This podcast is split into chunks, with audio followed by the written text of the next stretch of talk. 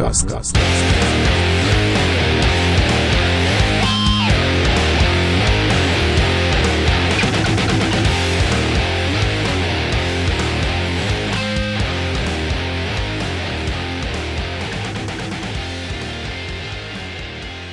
Dzień dobry, witamy wszystkich w trzecim już odcinku podcastu West Ham Poland o nazwie Młotcast. Dzisiaj porozmawiamy sobie o meczach reprezentacyjnych, e, tych, w których grali piłkarze West Hamu.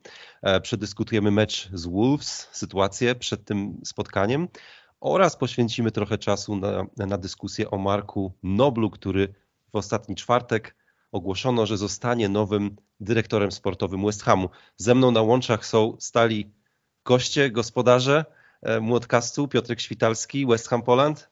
Witam, cześć. I Maciej Kurek, również West Ham Poland. Cześć. Ja nazywam się Łukasz Papuda i będę prowadził tę rozmowę. Panowie, trochę zdradzę naszym słuchaczom, w jakich okolicznościach się spotykamy. Włączyliśmy już wszyscy sobie mecz Anglików e, i będziemy go oglądać w trakcie, tego, w trakcie nagrywania tego, tego podcastu, także jak coś się będzie działo, to na pewno zmienimy szybko temat i, i, i, będziemy komentować wydarzenia boiskowe. Chciałem zacząć od tych meczów reprezentacyjnych, bo tak naprawdę no, mieliśmy przerwę, ale jednak wielu młotów grało w piłkę i coś tam się dowiedzieliśmy z tych meczów o niektórych piłkarzach West Hamu. Chciałbym zacząć od Jeroda Bowena, bo właśnie za chwilę mecz Anglików, on w tym meczu nie zagra i w pierwszym meczu też nie zagrał. Także to powołanie Gareta Southgate'a jest takie trochę zagadkowe dla wielu kibiców. Po co właściwie Gareth Southgate powołał Jeroda Bowena? Czy to była taka ostatnia, ostatnia szansa przed mundialem? Czy ta szansa jeszcze jest przed Jerodem Bowenem i w razie znakomitego października on ma szansę jeszcze wrócić do kadry? Piotrek, co myślisz na ten temat? No zacznijmy od tego powołania samego, które nam w poprzednim podcaście rozmawialiśmy. Wydawało się nam, że to jest po prostu bardzo dziwna decyzja Garetha Southgate'a, którego powołał, choć Bowen jest w formie dalekiej od idealnej. I niestety rozmawialiśmy też o tym, że to powołanie może podziałać budująco na Bowena, że może odblokować się poprzez dobry występ reprezentacji, a jak się okazuje, skończy to zgrupowanie bez choćby jednej minuty rozegranej.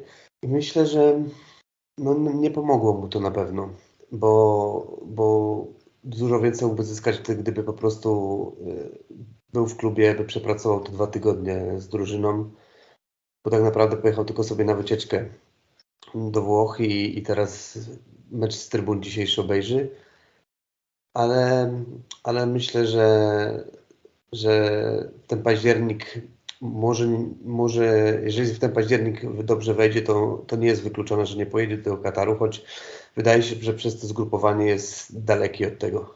No właśnie, ale co to w takim razie, co miał na myśli w ogóle Gareth Southgate, bo no on też nie ma czasu pewnie na, na eksperymenty, no pewnie widział też, że Jared Bowen nie jest w formie reprezentacyjnej, po co on go w ogóle ściągał na, na zgrupowanie? Maciek, co ty myślisz na ten temat? Myślę, że mógł chcieć zobaczyć, czy brak liczb Bowena, jego kiepska forma wynika może po części z pecha. E, chciał się też przekonać, czy Bowen wygląda, jak wygląda na treningach według mnie, bo jeśli piłkarz świetnie wygląda na treningach, ale w meczach mu nie idzie, no to trener może mieć nadzieję, że to kwestia przełamania się, ale że wkrótce, wkrótce się a, ten piłkarz rozkręci. Natomiast jak piłkarz nie daje jakości i na treningach, i w meczach, no to sytuacja wtedy jest raczej bez światełka w tunelu. Być może o tym chciał się przekonać Bowen. Według mnie jak Bowen rozegra równie bezbarwny październik jak e, wrzesień, to nie pojedzie na mistrzostwa. Jak coś Ale się ruszy, tak, to, to jest cień nadziei. Gdybym miał powiedzieć dzisiaj, patrząc na formę Sancho czy Rashforda, którzy grają trochę lepiej niż grali wcześniej, uważam, że Bowen ma 40% szans, że pojedzie, a 60% że nie. Natomiast jak zacznie zdobywać jakieś, wiecie, punktować, zdobywać a, liczby, na co wszyscy liczymy, bo to się przełoży też na zdobycze punktowe West Hamu, to jest cień nadziei, ale tak jak powiedziałem, według mnie dzisiaj 40% na tak, 60% na nie. Bazując na tym, że nie wystąpił, reprezentacji i bazując na jego występach w lidze. Mi się właśnie tak wydaje, że dostał to powołanie dlatego, bo się dobrze zaprezentował w tych meczach przedsezonowych, w, tych pierwszych czterech Ligi Narodów, gdzie, gdzie debiutował w kadrze, zagrał we wszystkich meczach. Dobrze wyglądał, więc myślę, że taki kredyt zaufania dostał, dostał od Southgate'a, żeby też go może chciał zbudować, ale widocznie pewnie na treningach było widać, że, że forma jest, jest daleka od takiej wymarzonej i dlatego pewnie, pewnie tych szans nie dostał w meczu. No właśnie, jeszcze pytanie, czy będzie grał w pierwszym składzie w West Hamie, bo tak trochę tak zakładamy, że David Moyes, wiemy, że on lubi wystawiać Bowena, ale też mieliśmy dość długą dyskusję na ten temat, że praktycznie, no, tak naprawdę on powinien go posadzić na ławce, więc to też może ograniczyć szansę Bowena na pokazanie się przed, przed mundialem. Maciek, chciałeś coś dodać jeszcze? Możemy pofantazjować. E, być może Southgate pewnił Bowena, że jest w jego planach i być może taka deklaracja, mimo braku występu w kadrze, e, gdzieś mu doda pewności. Mi się wydaje, że Southgate jest trenerem bardzo konsekwentnym. Czasem wręcz no, ta konsekwencja przychodzi w taki głupi upór. Co widać było, jak stawiał na Maguire'a czy paru innych ulubieńców. E, też często były sytuacje, że nie, powo nie powoływał piłkarzy bazując na formie, a właśnie bazując na tym, kto jest w grupie. E, I to też po części można zrozumieć, że ten kolektyw grupy, jeśli grupa się świetnie dogaduje, to czasem możesz poświęcić pewne indywidualności, e, bo to, bo to zespół wychodzi na boisko i każdy jeden piłkarz musi walczyć za swojego kolegę, więc do pewnego stopnia jestem w stanie to zrozumieć. I liczę, że tak naprawdę, że tak było, jak sobie tutaj popuściłem lejce fantazji. Ale jak jest faktycznie, tego nie wiemy. Tak, ciekawa sytuacja Bowena. E, drugi z, z powołanych Anglików to Declan Rice i dzisiaj zobaczymy, jak sobie poradzi na boisku, bo wiemy, że jest w pierwszym składzie e, na mecz z Niemcami. E, w pierwszym składzie również Tilo Kerer, także może teraz przejdźmy do, do, do Niemca i pogadajmy sobie trochę o nim. Jak, czy oglądaliście w ogóle ten mecz, te mecze Ligi Narodów i, i co myślicie o Tilo Kererze, jego pozycji w reprezentacji i szansach na grę na mundialu, Piotrek? Myślę, że Keller jest pewniakiem do wyjazdu na mundial. Gra praktycznie w każdym meczu za kadencji Hansiego Flika. Jest rzucany po różnych pozycjach. Czasami gra w środku obrony, czasami na lewej obronie, czasami na prawej. Głównie na prawej. Flick bardzo ceni tą jego, tą jego wszechstronność, że może zagrać na kilku pozycjach. I dzisiaj właśnie też bardzo jestem ciekaw jego występu na tej prawej obronie, bo tak naprawdę nie oglądałem jeszcze wcześniej spotkań, gdzie on grał na tej pozycji, a patrząc na formę Coufala, czy tam podatność na urazy Johnsona, to liczę po cichu, że to mógłby może być rozwiązanie naszych problemów na prawej obronie. Bo czy wróci Aguert, czy będzie Dawson już też w pełni, w pełni zdrów, to któryś z nich może wejść do środka obrony, a wtedy możemy liczyć na Tilo na, na skrzydle. I myślę, że Kerer, Kerer przekonuje, bo naprawdę dobrze wygląda w tej reprezentacji. Oglądałem, oglądałem sobie z odtworzenia to, tą drugą połowę z Węgrami, bo wszedł na boisko w przerwie przy niekorzystnym wyniku. Trochę tam selekcjoner prze, przebudował yy, formację, gdy on szedł. I po prostu dzisiaj to też będzie taki sprawdzian niego, bo sporo zawodników gra w Premier League. Yy, większość oczywiście Anglików gra w Premier League i będzie fajna okazja, żeby sprawdzić Kerrera na tej prawej obronie właśnie na tle takich zawodników, z którymi będzie mógł się mierzyć w lidze. Dokładnie, myślę, że jak on się sprawdzi dzisiaj, to, to David Moyes nie będzie miał wymówki, tak, no. żeby, żeby nie spróbować go na prawej obronie, a tam mamy problemy, tak jak wspomniałeś. Dokładnie, pewnie nawet David Moyes jest na, na trybunach dzisiaj Wembley. Mm. No właśnie, a ty Maciek, Maciek wymieniłbyś e, co fala na, na, na Kerrera? E, podobałoby Ci się takie rozwiązanie? Bo Kerer, porównując Kerrera do Coufala, znaczy czego brakuje Kerrerowi tak naprawdę? E, on nie jest wcale bardzo wolniejszy chyba od Coufala, e, ale też wydaje mi się, że on nie jest takim, takim obrońcą, który często włącza się do akcji ofensywnych. Czy mam złe wrażenie? Bo przyznam, nie oglądałem go dużo w PSG. A, a powiedzcie panowie, jakim w ogóle jest zawodnikiem Kerer i czego, co by się zmieniło w naszej grze, gdybyśmy zaczęli grać nim na prawej stronie? Według mnie to, co zyskujemy na pewno, to świetne wyprowadzenie piłki. Hmm. Kerry naprawdę ma dobre otwierające podanie. Pamiętacie bramkę w, to był chyba jeszcze mecz z, z Wiborgiem, kiedy on rozpoczął akcję do Benramy, po której strzeliliśmy bramkę.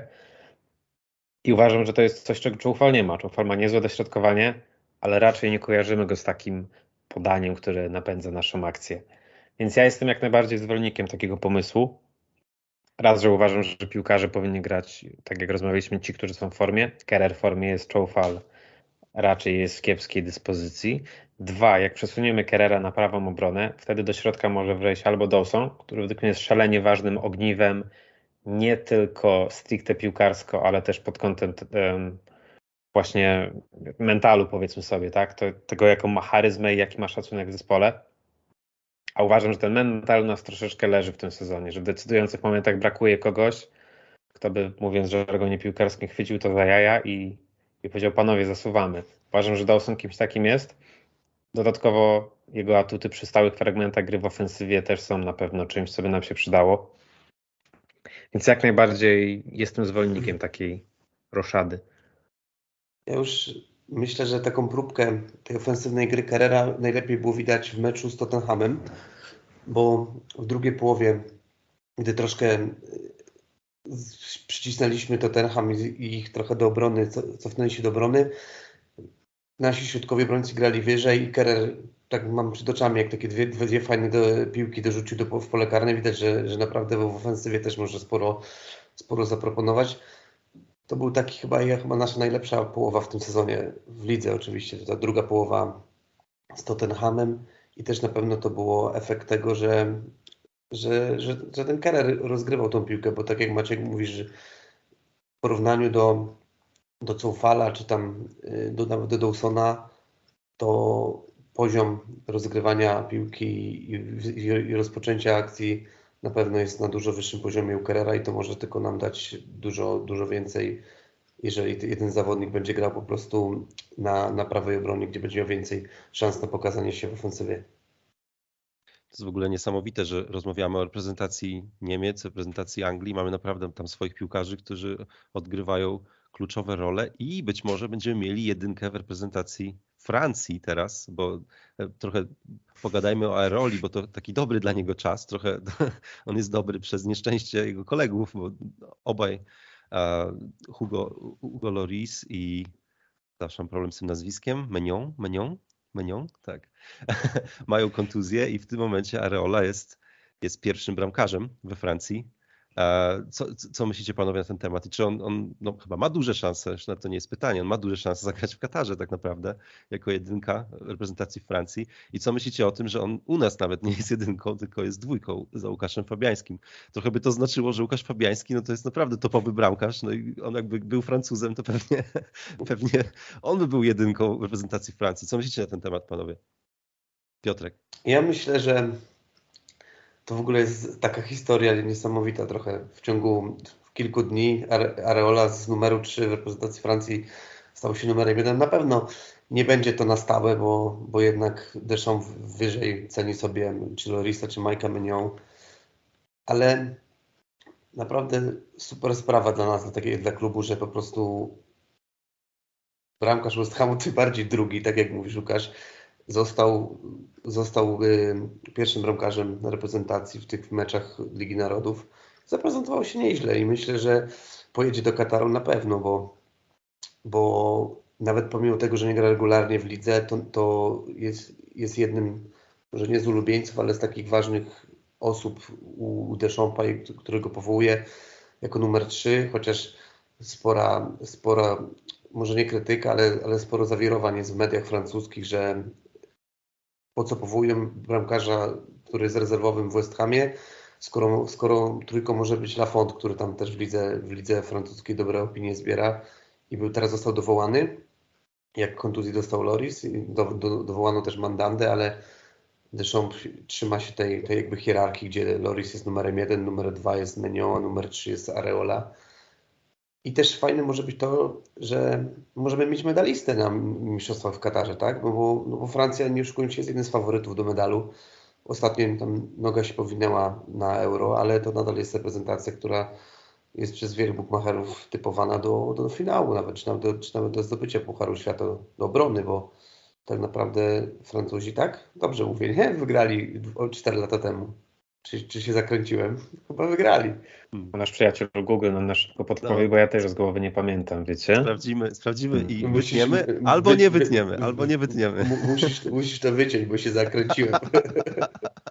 Zobaczę, czy wytnę, czy nie. E, okej, okay, chłopaki, a Maciek... Francja, tak. Dobrze, no, dobrze nie trzeba nic wycinać. No właśnie. No, dobrze mówiłeś, czyli nic nie będziemy tutaj ciąć. A, a Maciek, odnośnie Fabiańskiego, no, czy ty uważasz, że i, i tej rywalizacji Fabiańskiego z Arolą, czy ty uważasz, że, że Arola powinien dostawać więcej szans teraz e, w West Hamie? Wiem, że my nie jesteśmy obiektywni, bo, bo wszyscy tutaj kibicujemy Fabiańskiemu i zawsze będzie dla nas numerem jeden, póki będzie w tym klubie, ale czy to jest już czas, żeby, żeby na w lidze, czy byś, byś się spodziewał, że David Moyes, czy chciałbyś, żeby David Moyes od czasu do czasu wprowadzał na przykład e, Afonsa Areole? Czy ten podział na różne rozgrywki jest dla ciebie, według ciebie fair i powinien zostać w tym sezonie do końca? Chciałbym częściej go widzieć, y, ale gdybyś spytał mnie po zakończeniu poprzedniego sezonu, to bym powiedział kategorycznie tak. Natomiast w tym sezonie Areola w pucharach uważam, że nie grał jakoś rewelacyjnie. Nic spektakularnie nie zawalił, ale było parę niepewnych interwencji. Dlatego uważam, że nie daje aż tak zdecydowanych argumentów, żeby Fabiańskiego siadać, sadzać na ławce. Też Łukasz nic spektakularnie nie zawalił, może wyjąwszy tą bramkę z Chelsea, z Chilwellem, gdzie na pewno powinien się lepiej zachować, ale ja w ogóle jestem zdania, że Mois jest bardzo lojalny do piłkarzy, którzy wykręcili świetny wynik rok temu i dwa lata temu. I to widać, że ta lojalność, e, wy za mnie walczyliście, wy mnie gdzieś wynieśliście na piedestał, to ja was teraz nie wrócę pod autobus, ładnie tłumacząc z angielska. I to jest widoczne u Moisa i myślę, że Fabiański nadal będzie jedynką. Choć jestem też przekonany, że jak Areola podpisywał kontrakt na stałe, no to musiał mu obiecać Mois, że będzie częściej grał. Też zapewne Francuz widzi sytuację. Dla Fabiejskiego być może to jest ostatni sezon. Jeśli nie, no to ile ma? 37 lat, jeśli się nie mylę, prawda? Więc wiadomo, że, że dużo młodszy bramkarz Areola zacznie w którymś momencie grać w pierwszym składzie, ale myślę, że jeszcze nie. No, że w meczu z Wolves jeszcze zobaczymy Łukasza między słupkami.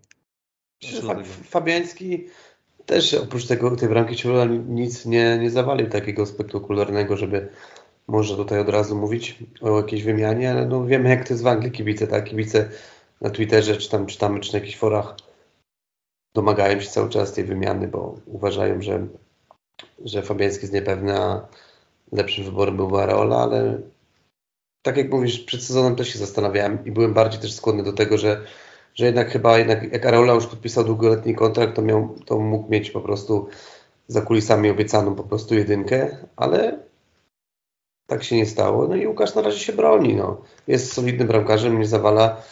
Także na pewno myślę, że do, mistrz, do świata na pewno nie będzie zmiany w bramce. No właśnie, Łukasz Fabiański jest e, tam w kolejce do, te, do opaski kapitańskiej, więc to też świadczy o jego pozycji w drużynie. E, i taki Areola wydaje mi się, no tą pozycję ma, ma niższą, więc e, być może z tego powodu David Moyes no, jak ma dwóch równorzędnych bramkarzy, to woli jednak wystawić tego, który po prostu w szatni jest dużo ważniejszą postacią. Co do Fabiańskiego, jeszcze fajna historia, że chyba tam mu trzech czy czterech występów brakuje, żeby miał najwięcej meczów w historii rozegranych dla klubu, dla West Hamu. Jeszcze ma więcej dla Swansea, ale już się zbliża, że po prostu już tym klubem, w którym rozegrał najwięcej spotkań w karierze będzie West Ham niedługo. Maciej, chciałeś coś jeszcze dodać tak, odnośnie do Areoli jeszcze i jego mm, występie w reprezentacji przeciwko Danii. To był dość pechowy, bo on zagrał naprawdę niezłe zawody. Miał parę świetnych interwencji. Przy bramkach wydaje mi się, że był bez szans. Na pewno przy pierwszej strzelonej przez Dolberga z najbliższej odległości Areola nie miał szans. Przy drugiej był zasłonięty przez dwóch piłkarzy i ta piłka ona byłaby w jego zasięgu, natomiast w sytuacji, kiedy był zasłonięty, dość późno zareagował, ale też uważam, że nie ponosi winy za żadną ze straconych bramek, a miał sporo niezłych interwencji. No, trochę pechowo, bo trudno bramkarza pozytywnie ocenić meczu, w którym Francja przegrywa z Danią. Ale tak z przebiegu spotkania uważam, że, że zaprezentował się całkiem solidnie. Kolejna bardzo silna reprezentacja, w której mamy swoich piłkarzy, to reprezentacja Włoch i tam Gianluca Scamacca w meczu z Anglią zagrał od pierwszej minuty, zebrał takie dobre, umiarkowane, ale dobre, dobre jednak recenzje. Może to nie błysnął bramką czy czymś takim, ale jednak zagrał dobrze. E, mamy też Emersona, który wszedł z ławki chyba w tym meczu, o ile się nie mylę. E, w dzisiejszym meczu z Węgrami Skamaka zacznie, zacznie już na ławce, więc widać, że tam e, trener szuka opcji, ale też Skamaka jest chyba najbliżej pierwszego składu, bo ten mecz z Anglikami no to chyba taki, e, taki wyjściowy, wyjściowy skład, najbardziej wyjściowy chyba e, starali się Włosi E, takim składem zagrać. Co myślicie o, o Skamace i, i o tym, takie samo pytanie, czy on, już można, nawet nie będę pytał, czy on powinien więcej grać, pewnie obaj powiecie, że tak i 90% kibiców tak, tak uważa, ale, ale czy myślicie, że on wróci z tej, z tej, z tej reprezentacji silniejszy po, po tej przerwie, że może właśnie teraz dzięki temu, że no on, cały świat go oglądał, to był taki mecz naprawdę pod, pod lupą, no, e, szlagier, może właśnie teraz on powinien zagrać od pierwszej minuty z Wolves i, i może, może on, nie wiem, właśnie na tej fali e, zaprezentuje się jeszcze lepiej niż zazwyczaj. Piotrek, co myślisz? Oglądałem ten mecz Włochów e, z Anglikami. Jestem podbudowany tym, co zobaczyłem, jeśli chodzi o Skamakę, bo wyszedł w pierwszym składzie, był aktywny. Widać było to takie pojedyncze zagranie, gdzie widzieliśmy już w tym sezonie, gdzie po prostu gdzieś dostaje piłkę tyłem do bramki, potrafi zgrać na jeden kontakt, gdzieś fajnie rozrzucić akcję. Był bardzo bliski strzelenia gola, bo po jednej z dośrodkowań uderzył w słupek głową, gdzie później tam Maguire troszkę się zamotał i wybił piłkę na rzut rożny, ale był aktywny, zagrał chyba tam godzinkę chyba. Dzisiaj siedzi na ławce, ale na pewno dużo mu to da. To, że w takim ważnym meczu w pierwszym składzie jest wielką nadzieją włoskiej piłki. Roberto Mancini, selekcjoner często się wypowiada o nim, nawet w kontekście West ostatnio mówił, że Skamaka może potrzebować około 2-3 miesięcy na taką aklimatyzację we Włoszech. No Mancini wie co mówi, bo był, w, był w Premier League, zdobył mistrzostwo z Manchesterem City, zna realia Premier League. I fajne jest to, że, że właśnie jest, jest podstawowym, podstawowym y, napastnikiem reprezentacji Włoch, bo to też jest korzyścią dla klubu, dla rozpoznawalności, bo abstrahując od tego, że Włosi nie awansowali na, na kolejny duży turniej, to, to tak cały czas to jest topowa reprezentacja i też pokazała to w meczu z Anglikami, gdzie, gdzie Anglicy są w dołku, ale, ale wygrali to spotkanie. I myślę, że, że troszkę przydałaby mu się ta pierwsza bramka w reprezentacji, bo trochę to na nim ciąży. Jednak wiadomo, jak ktoś jest napastnikiem nie strzela bramek, to, to jest od razu krytyka ale wierzą, wierzą w niego Anglicy, ma dopiero, Włosi oczywiście, ma 23 lata, wchodzi do tej reprezentacji, rywalizacji jakiś, jakiś jest chyba w tym roku, w tym roku obecnie jest chyba jedna z gorszych rywalizacji, jeśli chodzi o napastnika w reprezentacji Włoch, bo zawsze Włosi słynęli z dobrych, skutecznych napastników. Myślę, że to jest dla niego szansa, a liczę, że, że zacznie, zacznie strzelać bramki i też w reprezentacji i to będzie z korzyścią dla nas.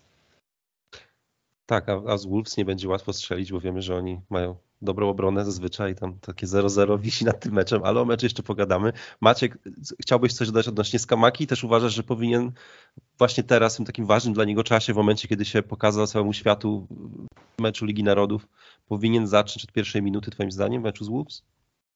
Tak, ale to jest myślenie życzeniowe, bo znowu wszyscy wiemy. Uważam, że nie powinien zacząć kosztem Antonio. Myślę, że powinien zacząć jeden i drugi, a do, do meczu z Wolves jeszcze przejdziemy, natomiast chyba żaden z nas nie wierzy, że David Moyes da szansę dwóm napastnikom. Więc mając na względzie, znając preferencje Davida Moyesa, uważam, że miejsce powinien zachować Antonio, a Skamaka stopniowo dostawać więcej szans, więcej minut.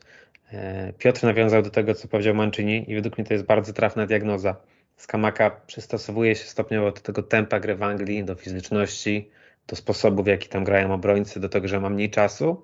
I ja bym tutaj specjalnie też nie szarżował, e, bo jeśli będzie grał więcej, a nie będą wpadały bramki, czym nasz zespół ma teraz duży kłopot, to też nie chciałbym, żeby doszło do sytuacji, że kibice zaczną mu liczyć minuty bezstrzelnej bramki, więc wiedząc, że Mois nie postawi na dwóch napastników, jestem tutaj za stopniowym wprowadzaniem z Kamaki krok po kroku, niech dostaje więcej minut i uważam, że to będzie dla niego najlepsze, najbezpieczniejsze.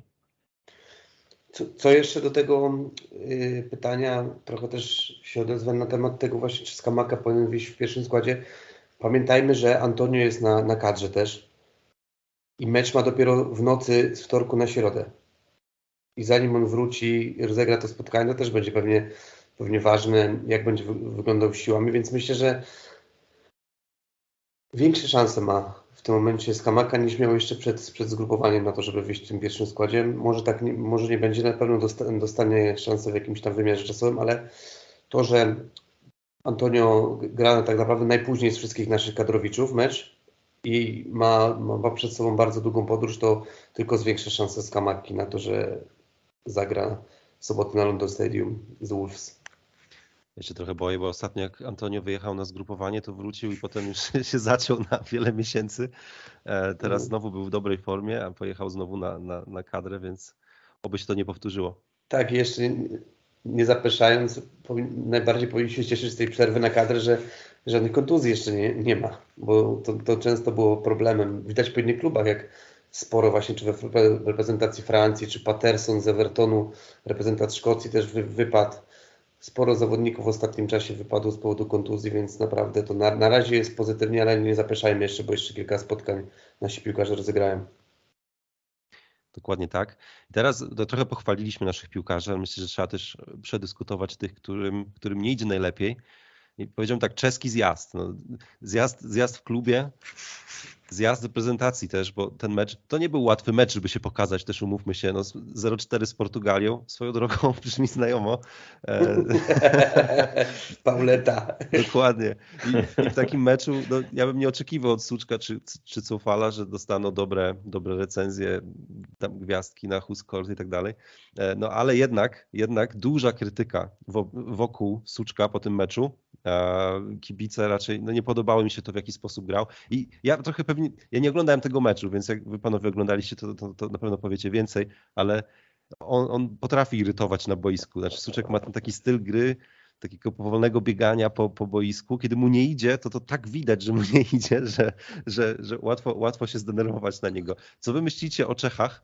I czy to byli tacy piłkarze jednego, dwóch sezonów? Czy, czy wy jeszcze wierzycie, że, że oni wrócą do takiej formy, jaką mieli w tym swoim West Hamowym prime wcześniej? Piotrek. Znacie moje zamiłowanie do Ligi Czeskiej, do reprezentacji, do, do piłkarzy z Czech, ale no niestety nie da się już tego jakoś tak po prostu bronić, bo zaburzałbym po prostu fakty i to, co się dzieje.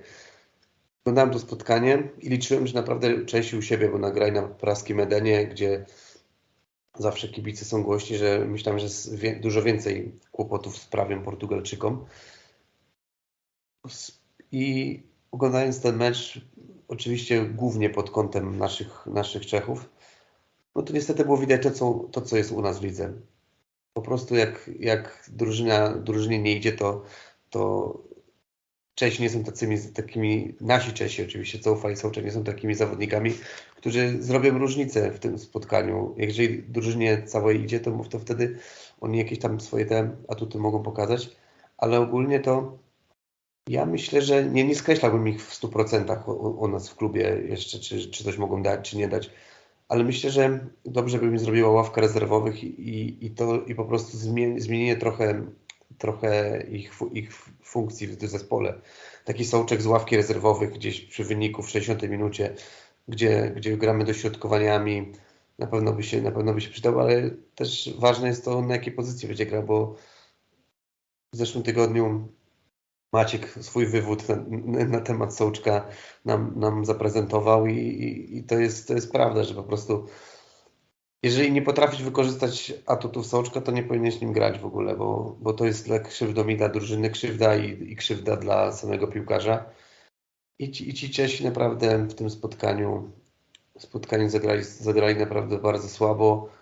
Jeszcze ciekawe było, bo ciekawa taka pod kątem West Hamowa sytuacja, że Alex Kral grał w pierwszym składzie i ten na, na Huskort, gdzie tam o jedną gwiazdkę tam miał więcej Kral, no nie do końca tak oddaje to co, to, co się działo na boisku, bo Kral, Kral był też taki dyskretny występ, zaliczył i myślę, że ani, ani na plus, ani na minus pod względem tego, co zaprezentował Sołczyk, po prostu taki szary występ bez, bez fajerwerków. Ale dopytam Cię, bo oglądałeś ten mecz, ale czy rzeczywiście so Sołczyk był aż tak aż tak źle wyglądał? Znaczy gorzej nie. niż inni zawodnicy, czy po prostu cała drużyna zagrała źle? Nie, po prostu Czesi, Czesi e, oczekują dużo od Sołczka, bo to jest największa jedna z największych gwiazd. Gra, był, walczy co roku o, o nagrodę najlepszego piłkarza Czech, więc oni mają duże wymagania po prostu względem, względem Sołczka. Ale to tak jak mówiłem, to nie jest zawodnik, który po prostu tak jak Rice przykładowo, nawiązując do, do naszego tutaj klubu, który weźmie piłkę, czasami pobiegnie, pobiegnie z nią 20 metrów, gdzieś zagra jakiegoś dobrego pasa. Sołczek nie jest takim zawodnikiem, po prostu jeżeli drużyna przegrywa czeska, to wiadomo, że, że krytyka spada na, na gwiazdy tej drużyny, tak? Spadła krytyka na Shika, który nie strzelił karnego, który też średnio wyglądał na Adama Chloszka, który był kupę, kupę miesięcy z nami, z nami yy, łączony, a na razie ciężko mu idzie i w Leverkusen, i w reprezentacji ten sezon ma naprawdę słaby. I po prostu taka krytyka jest, to tak jak u nas, jak u nas, kto, jak nie idzie, jak nie idzie, to po prostu te gwiazdy są obciążone tym przede wszystkim. Nie? Tak jak wszędzie tak w piłce to działa, że jak nie idzie PSG, to nawet to, to pierwsze co to, to jest, jest doczepianie się do jakiegoś Messiego czy Neymara, tak? Myślę, że po prostu Czesi, Czesi wiedzą, jak ważnym zawodnikiem dla nich jest, to jak u nas Zieliński przykładowo. Zieliński, taki może podobny kasus, wiadomo, że nie, nie chodzi o pozycję, ale taki jakby kasus postaci ważnej dla reprezentacji. Czeski Lewandowski. Nie, bardziej szyk chyba byłby czeskim Lewandowskim. No, tak. Czeski film, panowie. Maciek, co ty myślisz o tych Czechach? Czy to, czy to już się skończyło? Już, już nie, nie wrócą te takie czeskie czasy? Czech to się nie wraci, tak? Jak to było. E, ja uważam, że się nie skończyło. Co do Sołczka, to tak jak Piotr powiedział, ja jestem zdania, że jak nie gramy pod jego autyty, to on bardzo dużo traci. Trochę myślę, czy warto było go sprzedać, jak a, spekulowało się w tych ofertach rzędu bodaj tam 35 czy 40 milionów o rzekomym zainteresowaniu Bayernu, jeśli Mois, bo e, teraz patrząc na to, wiecie, z, z, punktu retrospekcji, być może Mois czuł, że wyciągamy maksa z tego sołczka i że to jest niezły moment na spieniężenie jego, jeśli nie wiązał z nim planów, bo teraz na pewno stracił zdecydowanie na wartości. Teraz West Ham chce grać troszkę inną piłkę, gdzie lepiej spisze się pewnie Paketa albo Fornals, który jest lepszy w rozegraniu na tej pozycji, być może nawet Flynn Downs. Więc ja jestem zdania, że jeśli nie będziemy grali pod atuty Słuczka, to on nie wróci do takiej formy. Też to, że się często chowa, że nie wychodzi do gry, to, że jego proste błędy techniczne e, gdzieś posyłają cały zespół w tarapaty. Co do niego niestety nie widzę tutaj szansy na przełom, jeśli będzie grał cały czas drugiego, to znaczy tego bardziej cofniętego z dwójki środkowych pomocników. Co do Czufala, to uważam, że on odzyska formę i myślę, że u niego kryzys jest trochę pokłosiem kryzysu całego zespołu, ale jakoś o niego jestem spokojny, że on jeszcze nie powiedział ostatniego słowa i, i jeszcze zobaczymy dobre występy w jego wykonaniu. Co do właśnie Sołczka, jeszcze tego, czy powinniśmy sprzedać, czy nie powinniśmy, to uważam, że zimą lub latem, jeżeli chcemy go sprzedać, to musimy to zrobić już wtedy. Bo pamiętajmy, że ma kontrakt do 2024 roku, czyli jego wartość, którą, którą możemy, te pieniądze, które możemy za niego zarobić, już z każdym miesiącem spadają ze względu na formę, ze względu na właśnie na ten kontrakt i to, że nie możemy się porozumieć z nim co do nowej umowy. I jest jeszcze taka kwestia, że sobie, sobie tak się zastanowiłem w tym tygodniu przed nim, o tym właśnie co Maciek mówiłeś, o tym, że trzeba wykorzystywać atuty Sołczka. I tak właśnie cofnąłem się pamięci do pre-sezonu, gdzie Rice nie grał w tych sparingach, bo, bo jeszcze nie był potem po euro, po euro był z, z drużyną, ale była taka sytuacja, że Sołczek grał właśnie tego, tego pomocnika na ósemce i on naprawdę miał te, miał te dobre mecze, gdzie strzelał bramki w, tych, w tym pre-sezonie i myślę, że cały czas może być ważny dla nas, ale trzeba trochę ograniczyć tą jego rolę tak, w drużynie że po prostu ściągnęliśmy zawodników pod posiadanie piłki, którzy, których, którzy mają dużo więcej atutów takich właśnie ofensywnych, jeśli chodzi o budowanie akcji, jak Paketa, czy tam nawet jakbyśmy Fornalsa na ósemkę cofnęli. Więc myślę, że nie, nie, trzeba go skreślać, bo jeszcze wiele dobrego może nam dać, ale trzeba jego trochę rolę ograniczyć w tej drużynie, albo go wykorzystać na tej pozycji, gdzie jest najlepszy, bądź po prostu zrobić może z niego takiego Fellainiego, jak, w Manchester, jak Mois miał go w Evertonie, czy Manchester United, gdzie wchodzi z ławki na, na takie ważne minuty, gdzie trzeba gonić wynik, czy po prostu grać na utrzymanie, żeby tam jakieś, jakieś główki wygrać, czy po prostu pomóc drużynie w inny sposób. Zastanawiam mnie jeszcze a propos Sołczka, co tak naprawdę David Moyes o nim myśli, bo w wakacje mieliśmy sygnały, że a, nie chcemy z nim podpisać nowej umowy, b, rozważamy sprzedaż, co gdzieś sugeruje, że nie jest on pewnie faworytem Moisa, ale z drugiej strony teraz mimo fatalnej dyspozycji cały czas gra i Mois go nie chce posadzić na ławce. I pytanie, czy uważa, że potencjalni kandydaci na jego miejsce są tak kiepsko, po prostu umiejętnościami jeszcze nie są gotowi, żeby grać w pierwszym składzie Premier League. Czy być może to jest jakaś inna przyczyna, ale daje to do myślenia, że z jednej strony chcemy go sprzedać, nie chcemy podpisać im nowego kontraktu, z drugiej, jak teraz jest w gorszej formie, no to facet nie siada na ławce, a aż się prosi, żeby dać szansę albo Downsowi, albo żeby przesunąć tam bądź Fornalsa, bądź pakety, więc nie, nie rozumiem tej decyzji Moisa. Wydaje mi się, że to jest sprzeczne gdzieś do. Ja myślę, że chcieliśmy go sprzedać przede wszystkim dlatego, że mamy tą pozycję negocjacyjną słabą. Teraz patrzę na jego kontrakt. To jest takie błędne koło trochę, bo Mois uważa, że on ok, jest spoko zawodnikiem, bo gdyby tak nie uważał, to by nie grał nim. Ale po prostu jest taka sytuacja, że Mois nie uważa, że on jest warty po prostu podwyżki, której chce, tak? Nie, nie jest warty tych pieniędzy, których on oczekuje po prostu, bo bo miał słabszy sezon. To też jest pokłość tego właśnie tej zmiany pozycji, ale sytuacja się zmieniła właśnie, właśnie latem po tym, co właśnie mówiłem, mówiłem w poprzednim wejściu, że, że on miał dobre mecze w presezonie i po prostu trochę się ta optyka zmieniła i może też pewnie dlatego, że nie było jakichś ofert ciekawszych, no bo tam tylko słyszymy o jakichś zainteresowaniach, czy Juventusu, czy Bayernu, ale tak naprawdę to ofert żadnych nie było, więc to jeszcze długa droga, żeby, żeby jakiś klub po prostu go, go sięgnął, a, a patrząc na jego wiek, na ten, no to jego niestety przy tej formie jego, jego wartość niestety spada w dół.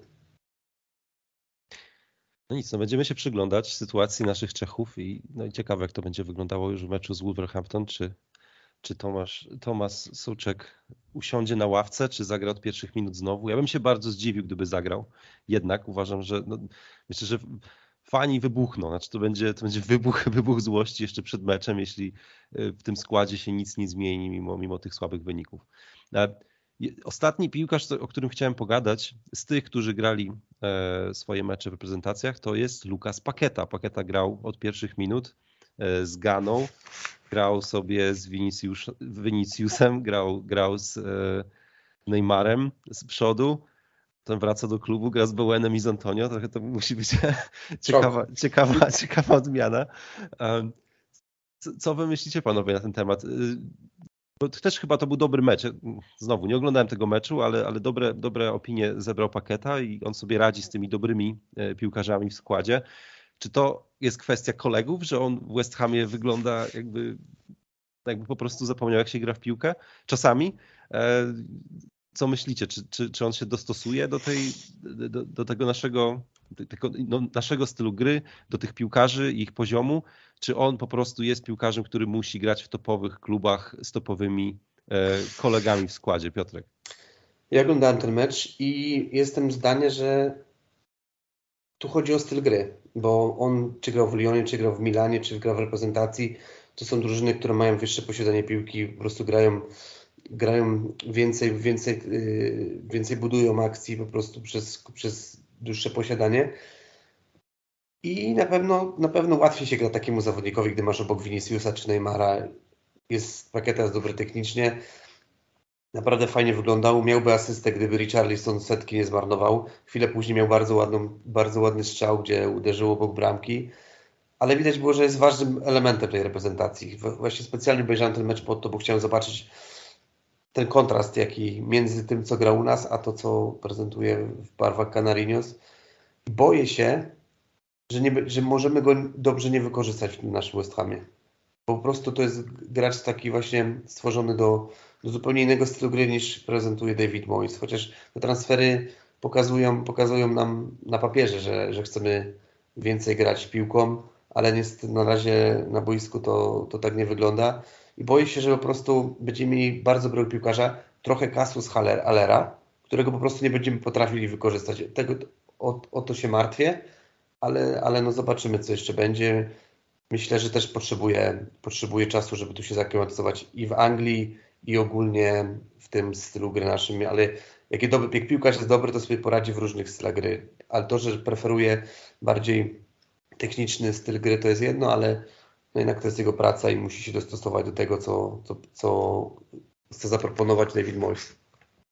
No ciekawe, czy David Moyes zrobi z niego takiego McGina, czy, czy pozwoli mu Ale też, je, tak, też jeszcze, jeszcze ważna rzecz, że Paketa grał na ósemce, czyli na tej pozycji, której potrzebujemy dobrego zawodnika. Ale to też musi się wiązać z tym, że po prostu musimy bardziej swój styl, swój styl narzucać, narzucać rywalom, jeśli miał paketa grać na ósemce. Naprawdę zagrał dobrze. I może, może to, jest, to jest odpowiedź na to, żeby po prostu paketę, paketę spróbować niżej, na ósemce obok Rajsa. To była ciekawa, ciekawa sytuacja. Co myślisz, co myślisz Maciek na ten temat? Rice, paketa w środku pola? Po mistrzostwo. Po mistrzostwo. Zdecydowanie tak. Chciałbym zobaczyć takie ustawienie. Tak jak Piotr powiedział, myślę, że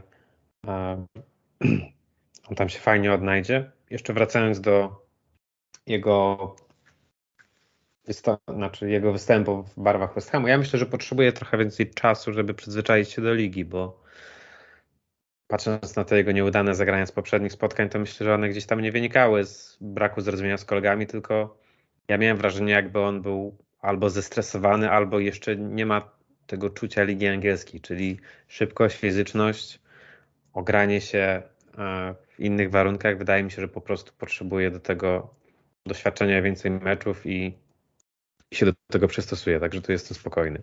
Ale chętnie bym go zobaczył na pozycji 8, w zasadzie nawet bardziej chętnie niż na pozycji 10, szczerze mówiąc, bo, bo właśnie widać tą jego waleczność.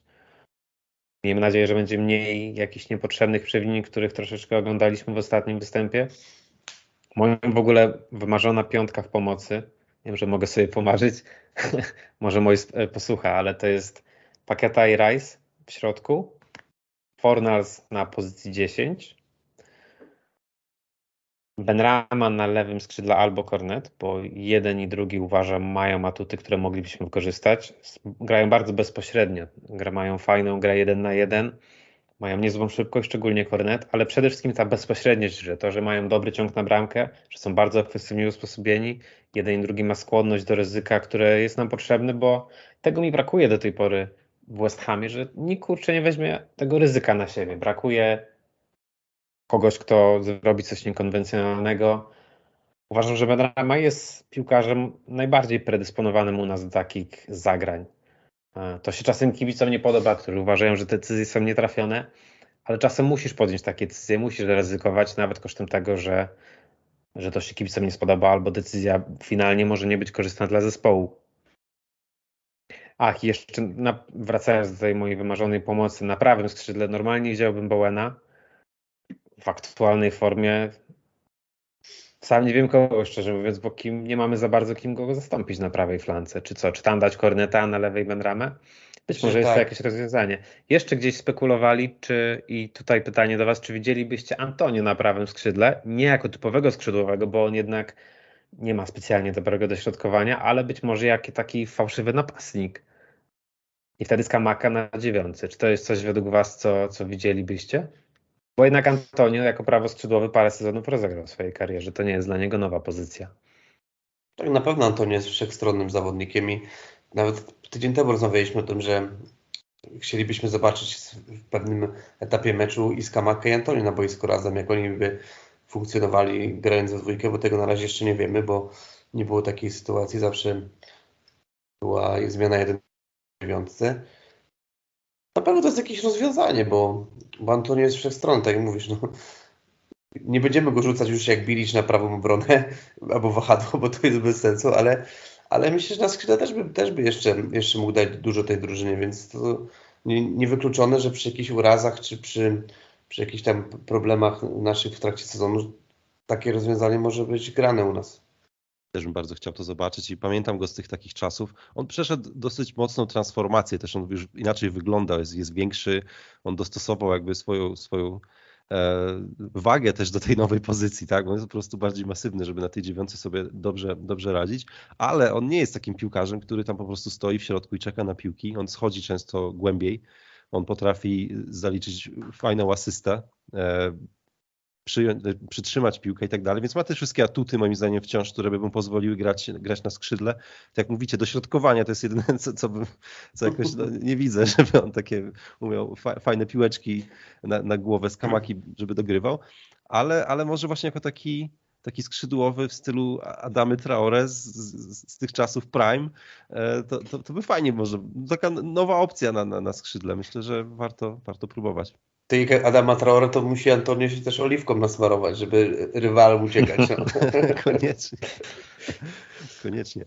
Panowie, e, bo gadamy sobie już długo, a to dopiero pierwszy temat, ale myślę, że płynnie przeszliśmy do drugiego, czyli do, do meczu z Wolves. I to trochę, no, głównie będziemy chyba rozmawiać o, o personalnych wyborach, no bo to, czego my oczekujemy od tego meczu? No, że coś się zmieni, tak? Że zmieni się skład albo zmieni się gra, no ale chyba jedno bez drugiego nie zadziała. No, musimy zmienić kilku piłkarzy w składzie, e, żeby, żeby tak w tej grze też coś się zmieniło. Jak wy się w ogóle czujecie przed tym meczem? Czy jakiś optymizm w was jakimś cudem się tli, czy, czy, jednak, czy jednak spodziewacie się te, te, te, tego samego poziomu, który oglądaliśmy w poprzednim meczu?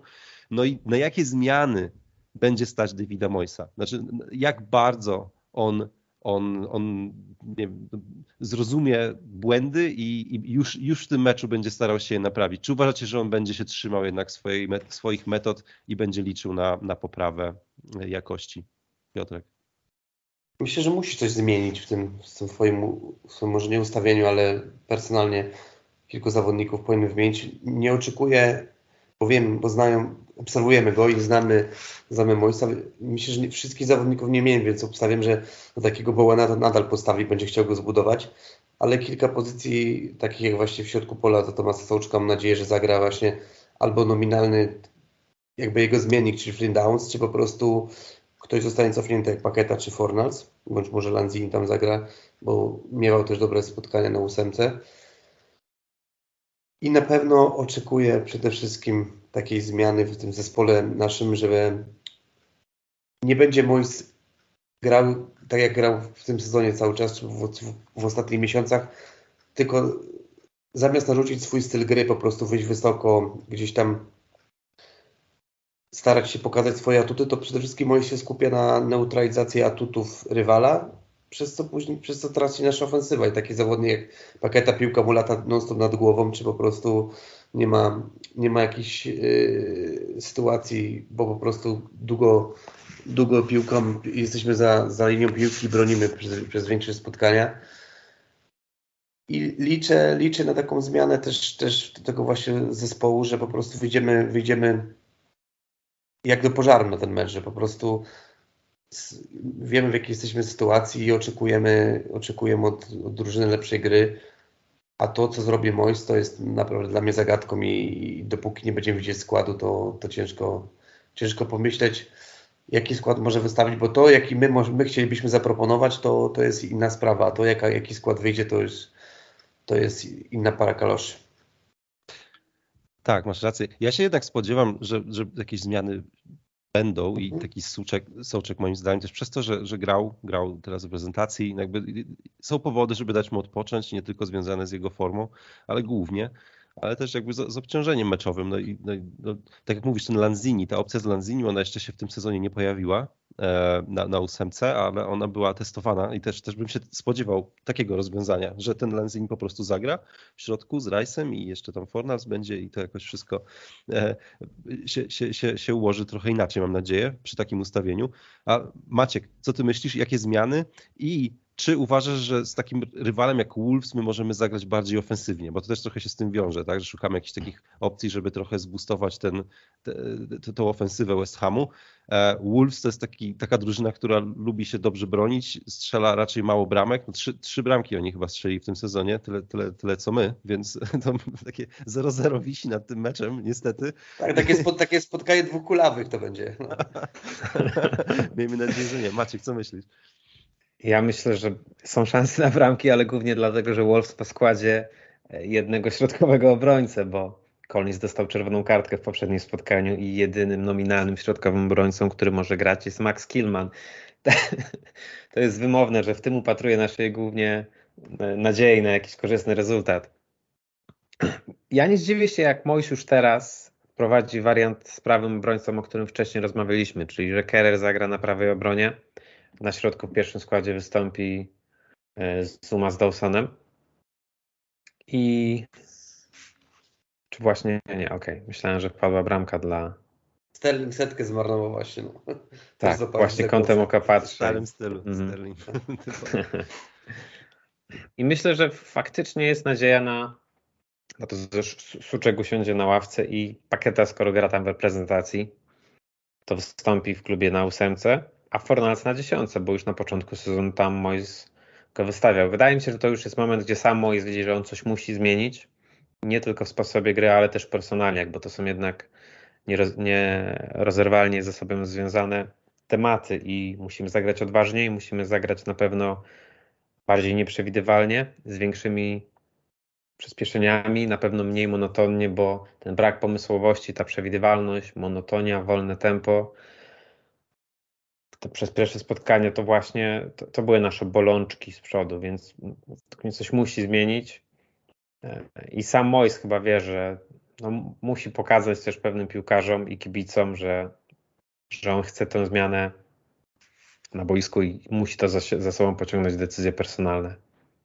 Myślę, że musimy też wykorzystać to właśnie, co macie powiedzieć, problemy Wolves kadrowe, bo tak jak mówisz, nie będą mieli podstawowego stopera Collinsa. Mają też ogromne problemy w ataku. Nie ma, nie ma e, Jimeneza. Kalajdzic w debiucie zerwał więc zadła, czyli ma po sezonie.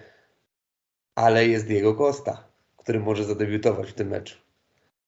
I właśnie nawiązując, nawiązując do, do tego, Diego Costa przeciwko West Hamowi, to mi się tylko, mam przed oczami ten mecz, nie wiem czy kojarzycie, pierwszy mecz sezonu 16-17, gdzie takim ślizgiem Adrianowi prawie nogę złamał.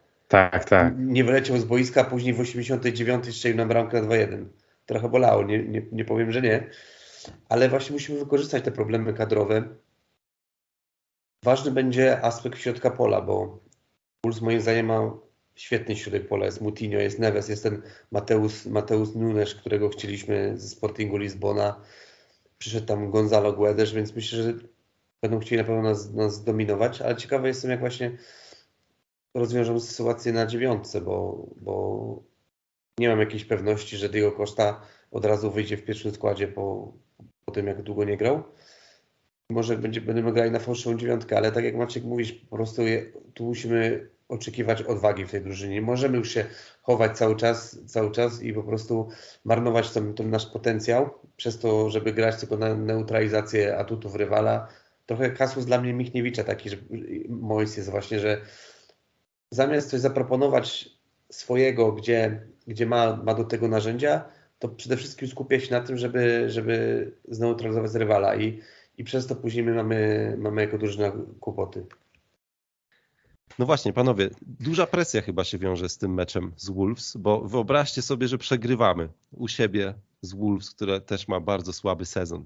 E, czy to waszym zdaniem byłby mecz, który już by pociągnął jakieś decyzje na przykład odnośnie Davida Moisa? Co, co, jak, jak by wyglądał świat? Taki, taka apokaliptyczna wizja. Przegrywamy z Wolves 1 e, października. Maciek. Myślę, że ten jeden mecz jeszcze nie pociągnie za sobą konsekwencji.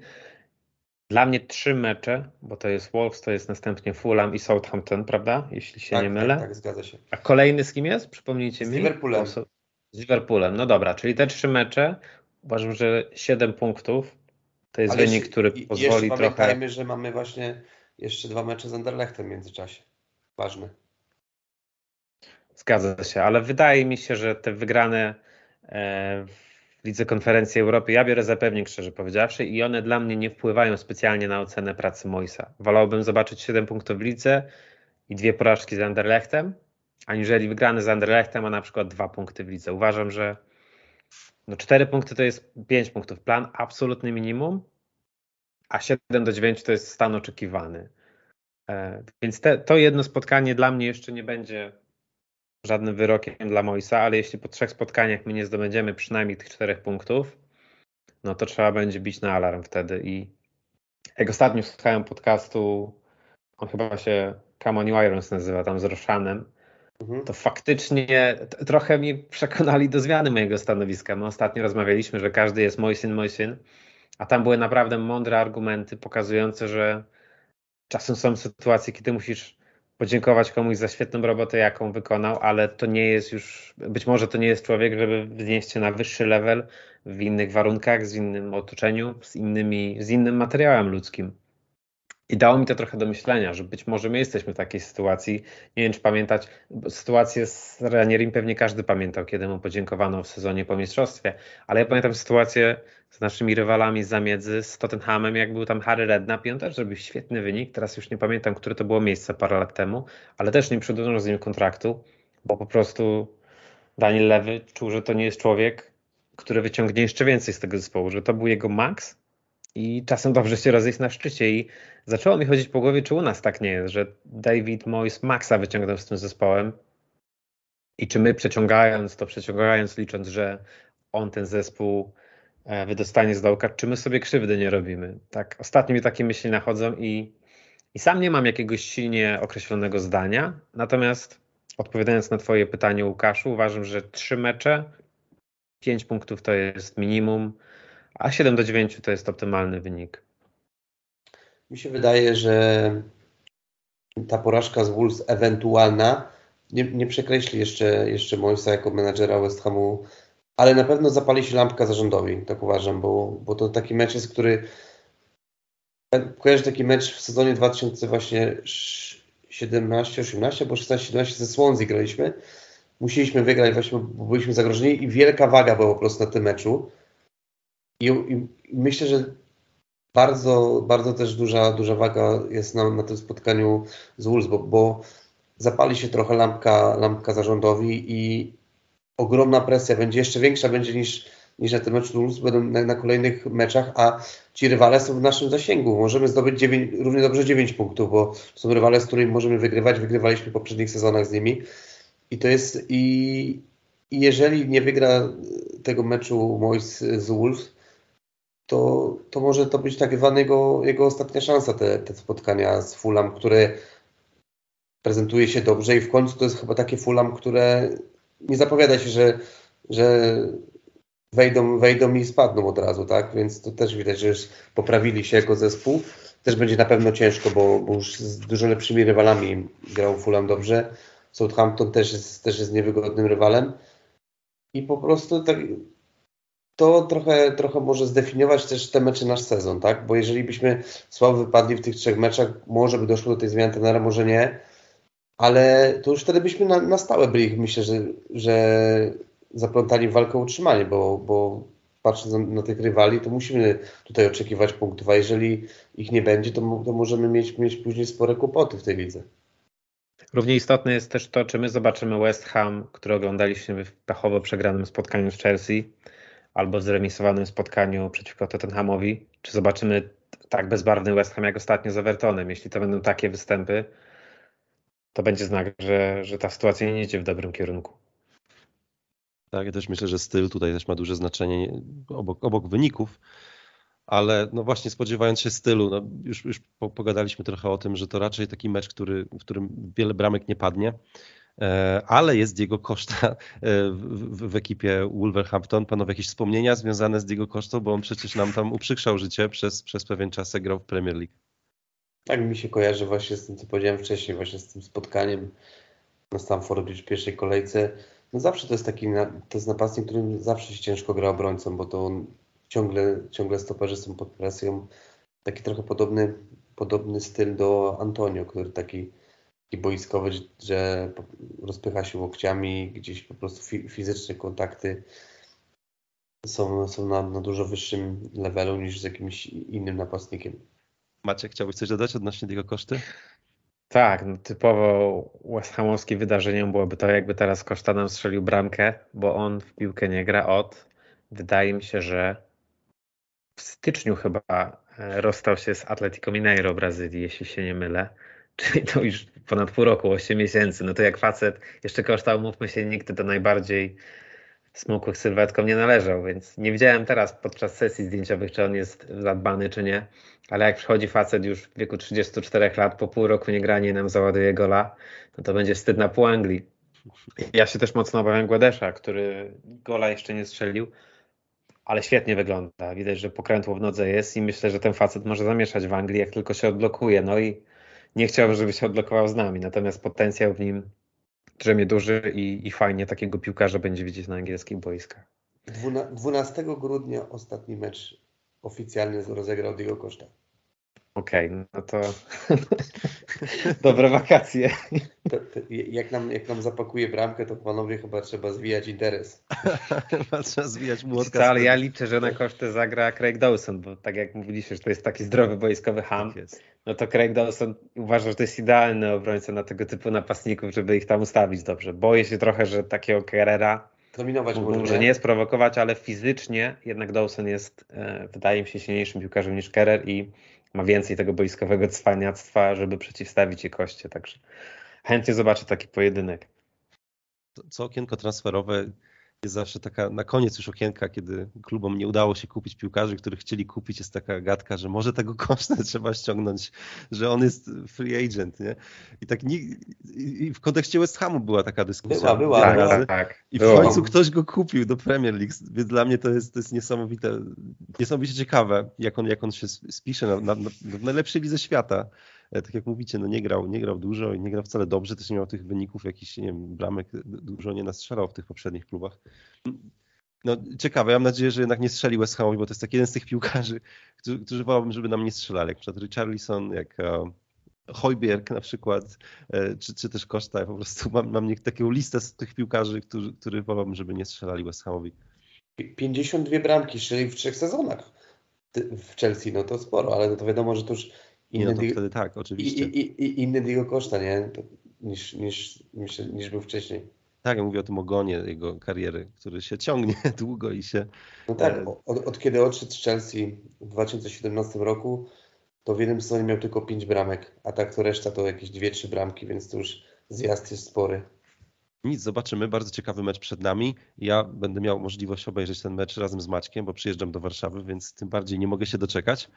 Panowie, bo już trochę sobie gadamy, a jeszcze został trzeci temat, y, niezwykle ważny. Mark Noble, Mark Noble, jak wiemy, już, już nie gra e, w West Hamie, ale wszyscy mieliśmy nadzieję, że on wróci do szatni. Maciek, ty, ty wspomniałeś w ostatnim młotkaście, że brak Marka Nobla w szatni może być jednym e, z problemów, tak naprawdę z, z powodów, e, jakby ze źródeł, źródeł problemów, które mamy jak, jako zespół. Mark Noble wraca, wraca w nowej roli, w roli dyrektora sportowego i e, zostało to ogłoszone w czwartek. On będzie tym dyrektorem sportowym od stycznia, więc teraz jeszcze, jeszcze chyba nie wróci bezpośrednio do klubu, ale już jest, jest bliżej. E, co wy myślicie na ten temat? Czy Mark Noble, waszym zdaniem, to jest typ dyrektora sportowego? Czy on się sprawdzi w garniturze? E, w negocjacjach z agentami. E, I co myślicie o zakresie jego obowiązków, bo to też nie jest do końca jasne, kim jest dyrektor sportowy, e, a dyrektor do spraw futbolu na przykład, jaka jest różnica. Czego się spodziewacie od Marka Nobla i co on wniesie do drużyny w tej nowej roli? Piotrek. Uważam, że dźwignie, dźwignie ten temat. Mark Noble po prostu ma taką charyzmę, ma takie doświadczenie przez tyle lat tyle zebrane, zna, zna klub na wylot myślę, że lepszego, lepszego człowieka nie mogliśmy sobie marzyć, żeby, żeby pracował w tym klubie, bo to, co Wam mówiłem jeszcze przed wejściem na, na wizję, że im bliżej klubu jest Mark Noble, tym lepiej jest dla wszystkich związanych z tym klubem, bo to jest po prostu Mr. West Ham, on, on musi, być, musi być w tym klubie, musi jakąś rolę pełnić. Fajne jest to, że po prostu jeszcze grając w piłkę się przy, przygotowywał do tego. Zrobił ten kurs na Harvardzie, cały czas doglądał akademii, konsultował się z trenerami, czy to akademii, czy to pierwszego zespołu był, był prawą, prawą ręką Mojsa i łącznikiem między drużyną a, a sztabem szkoleniowym. I właśnie ciekawy jest ten zakres tego obowiązku, bo mamy Roba Newmana, który zajmuje stanowisko dyrektora futbol, czyli takiego dyrektora sportowego, jak właśnie mamy w Polsce, czyli od transferów, od, od zakontaktowania trenerów, czy, czy ogólnie od, od rekrutacji. I, kwestia jest tego typu właśnie, jakie będzie Mark Noble obowiązki, więc tak naprawdę w praniu wyjdzie to, to, czym on będzie się zajmował, ale na pewno ma, ma wpajać ludziom, czy to nowym piłkarzom, czy to nowym trenerom, ten styl West Hamu, tak po prostu to przywiązanie do barw klubowych i się po prostu okaże, okaże się w praniu, czy, Jakie obowiązki będzie miał Mark Noble? No właśnie, bo, bo poprzeczka jest wysoko. Gianluca Nani, nie wiem czy pamiętacie Pamiętam. gościa, za Zoli, sportowy. Tak, za Zoli i za Kirby Schleya chyba też. Mhm. E, I Mario Husillos to był kolejny, kolejny wybitny dyrektor sportowy, także chyba, chyba idzie nowe i idzie lepsze. Jak, jakby, jakby nie poszło Noblowi, tak jak mówisz, dla mnie on może być kucharzem nawet, ale ważne, żeby on był, był w koło i żeby po prostu e, miał okazję pogadać z piłkarzami, powiedzieć coś szatni, wpłynąć, zareagować, e, przekazać to DNA takie West Hamowe, które, które, które on ma. E, Maciek, Czego ty się spodziewasz po Marku Noblu i czy uważasz, że to będzie miało duży wpływ na drużynę jego przyjście od stycznia w nowej roli? Jestem przekonany, że tak. I wydaje mi się, że nie ma mm, przypadków timingu tego ogłoszenia. Mimo, że jeszcze zostało parę miesięcy, to klub czuł, że ogłoszenie tego już teraz pozytywnie wpłynie i na piłkarzy, i na kibiców, i to będzie dobra wiadomość wysłana w świat. E, co do tego zakresu, który jest powiedzmy bardzo elastyczny, ja bym się tym nie przejmował, dlatego że dla mnie Mark Noble to jest przede wszystkim charyzma. W każdym miejscu pracy jest tak, że jak macie charyzmatycznego lidera, to grupa za nim skoczy w ogień i uważam, że szczególnie w szatni piłkarskiej to jest coś szalenie ważnego, ta charyzma i Noble zdecydowanie tę charyzmę ma, więc jestem pewien, że na wielu polach właśnie kultura, tradycja, charyzma, te zasady związane z West Hamem cała tradycja związana z robotniczym charakterem naszego klubu to jest coś, co dla wielu kibiców jest szalenie ważne. To jest coś, co pracownicy na pewno rozumieją i na pewno ludzie, którzy są w tym klubie od lat, jest to taki fundament dla nich. I uważam, że Nobel jest idealnym uosobieniem tych cech. Też warto zaznaczyć, że Nobel brał udział w paru mm, rekrutacjach do klubu, jeśli chodzi o sztab szkoleniowy, bo i z rekrutacji Zawana Heinza, naszego byłego napastnika, który pracuje z grupą U13. Brał też udział w rekrutacji Eliota Warda, który pracuje z grupą U14, a także Jacka Collisona, który w 2017 roku pracował z grupą U17, a aktualnie pracuje w Stanach Zjednoczonych, jeśli się nie mylę, w Atlantie United. Tak jest. Więc Mark już nieformalnie uczestniczył często w tych rozmowach i wydaje mi się, że to nie ma miejsca na przypadek. Jego właśnie osoba, jego charyzma to, że potrafi przekonać nowe nabytki do tych naszych wartości West Hamowskich, są często istotnym elementem. I ja się mega cieszę, że będzie w pewien sposób to teraz sformalizowane, że ta wiadomość poszła w świat i wydaje mi się, że nawet na aktualnych piłkarzy to, że on już wraca, to jest dobra wiadomość, bo e, jeszcze było w artykule na The Athletic wspomniane, jak przychodził, ach, nie, nie jak przychodził, a jak miał swój epizod w pierwszym składzie Mipo od Ubeków, ten jeden pamiętny, kiedy to dostał wędkę od Moisa. Podobno po tym spotkaniu Mois, e, nie przepraszam, nie Mois, a Nobel uczestniczył w sesjach na jeden na jeden z Mipo, żeby gdzieś go odbudować, bo jednak wędka, szczególnie dla młodego piłkarza, jest to coś, co może go mm, no, może nie zamknąć sobie, ale może źle wpłynąć na jego morale, na jego motywację. I Nobel od razu pochylił się nad tym, żeby do tego nie doprowadzić, pochylił się nad młodym Irlandczykiem. I wydaje mi się, że w klubie piłkarskim jest cała masa takich właśnie sytuacji, gdzie potrzeba kogoś takiego, kto to czuje, kto właśnie cieszy się dużą estymą, szacunkiem i Nobel jest idealny do tego typu, na, na takie stanowisko właśnie, na, na takie sytuacje, żeby ratować e, nas, bo, bo znaleźliśmy się teraz w kiepskim miejscu, więc Zgadzam się, super wiadomość I, i też zgadzam się, że PR-owo to dobrze zostało rozegrane, że już teraz to ogłosili, że jest czas do tego stycznia, on też ma się czas jakoś tam przygotować, zobaczcie jak ludzie zareagowali. E, też jestem, jestem mega podekscytowany tym i cieszę się, że klub go zostawi, jakby, że klub znalazł dla niego rolę i Mark Noble będzie częścią klubu, bo jednak tacy piłkarze jak Mark Noble nie zdarzają się często. Jak już się zdarzają, to trzeba zrobić wszystko, żeby oni e, w tym klubie byli. Um, no właśnie, Mark Noble. Dla, dla mnie i pewnie dla, dla wielu z kibiców West Hamu, którzy są mniej więcej w naszym wieku, Mark Noble był zawsze. Nie? Ja, ja odkąd kibicuję West Hamowi, to Mark Noble był w tym West Hamie, jak, jak z królową angielską, nie? że po prostu ona zawsze była. E, co, by się, co się nie działo na świecie, czy byliśmy e, młodzi, czy, czy już trochę starsi, ona po prostu zawsze tam była. I tak samo z Markiem Noble. Dla mnie to jest właśnie taka, taki symbol, który zawsze był i w momencie, kiedy już go nie ma, też no jeszcze dziwnie, dziwnie się czuję i nie, nie umiem się do tej sytuacji do końca zaadaptować. Jakie, chciałem na koniec tego podcastu zapytać was panowie, jakie są takie momenty, które zapadły wam najbardziej w pamięć związane z Markiem Noblem? E, dużo ich jest, bo tak jak mówię, no on był, obecny w każdym ważnym momencie tego klubu przez ostatnie lata, wiele lat. E, dla mnie, nie wiem dlaczego, to pewnie nie jest najważniejszy moment, ale ja go pamiętam i już go pewnie z głowy nie wyrzucę, to jest ta bramka z Leicester, kiedy on uderzył takiego woleja i wtedy właśnie za głowę Arnautowicz i, i kto to był jeszcze? Taki... Kujate. I Kujate, tak, we dwóch się zaczęli łapać za głowę. No pięknie siadła ta piłka Markowi Noblowi. E, I też ta sytuacja, kiedy znosił z boiska Andera Herrera w tym tak, meczu 3-2 tak, tak. wygranym z Manchesterem United. To nie są pewnie highlights jego kariery, on miał dużo większe momenty, czy przemowa na Upton Park i tak dalej, a dla mnie to są takie wizualnie mamy cały czas w głowie po prostu te, te, te, te, momenty i je pewnie będę pamiętał już zawsze. Panowie, jakie to są wasze momenty, te na, najlepsze momenty związane z Markiem Noblem? Piotrek. Tak jak powiedziałeś, dla ludzi na, w naszym wieku to Mark Noble był zawsze w West Hamie. I tak naprawdę ja zacząłem kibicować młotom od 2005 roku i to był ten okres, gdzie Mark Noble wchodził do pierwszej drużyny. I jakoś to, ten całe moje kibicowskie życie z West Hamem i było zawsze związane z Markiem Noblem. Wiele mam takich flashbacków w głowie, które mi się będą kojarzyć z Markiem Noblem. Pierwsze to oczywiście te pierwsze bramki go z Tottenhamem i z Boltonem jeszcze w tym sezonie, gdy walczyliśmy o utrzymanie słynne The Great Escape, gdzie wygraliśmy na Old Trafford po bramce Teveza i się utrzymaliśmy. Co ciekawe, Mark Noble zaistniał w pierwszej drużynie West Hamu właśnie w trakcie tego naszego ranu o utrzymanie. Wszedł do drużyny wtedy na ostatnie 10 kolejek i wygraliśmy 7 meczów, dzięki temu się utrzymaliśmy. Może to był, to był jakiś, jakiś ważny też element tego, że udało nam się utrzymać.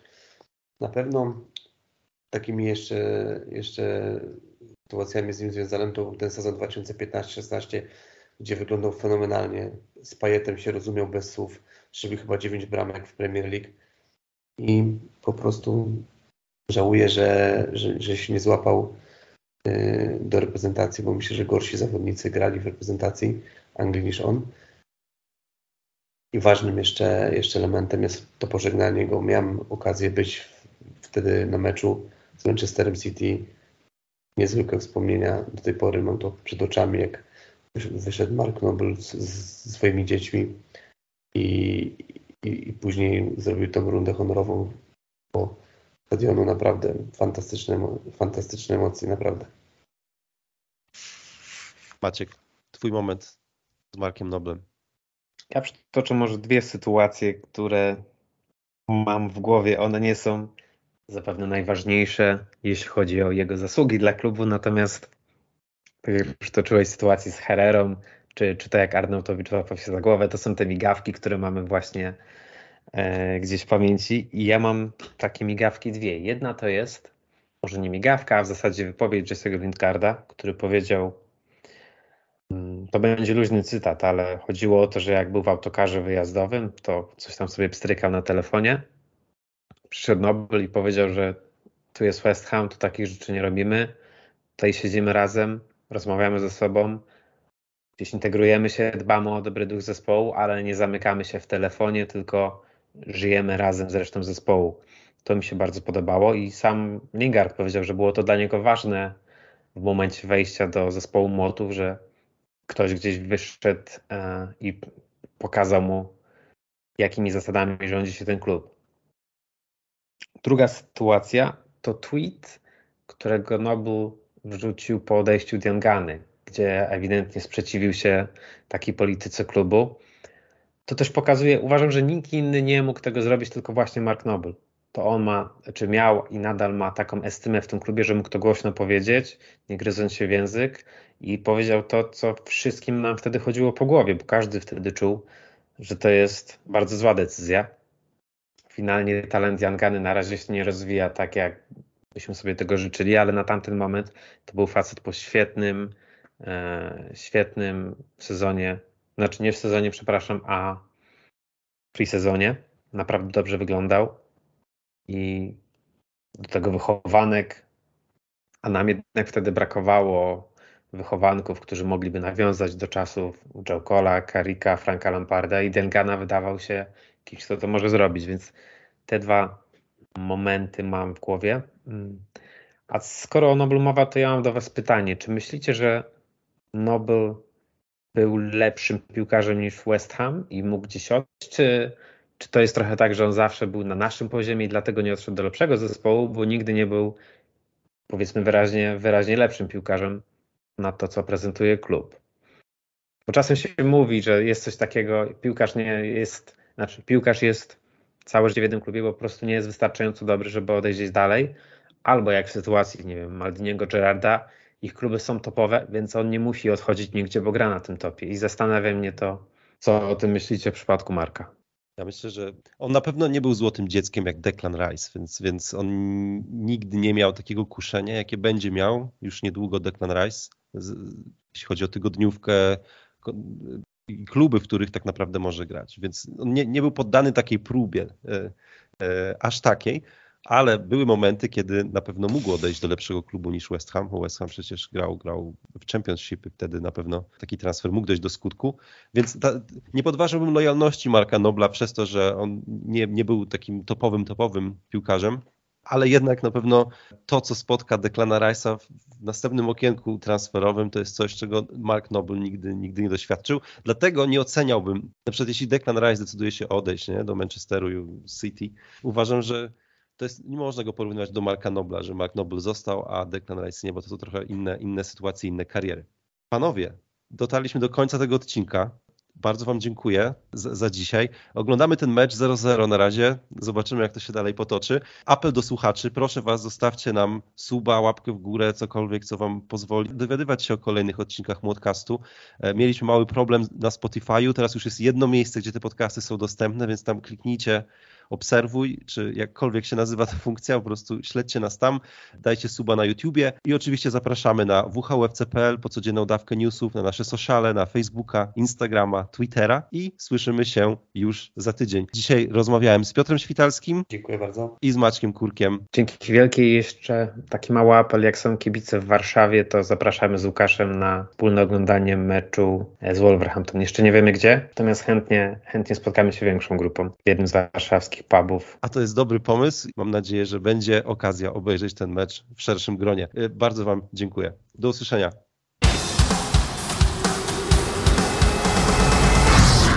Młodcast.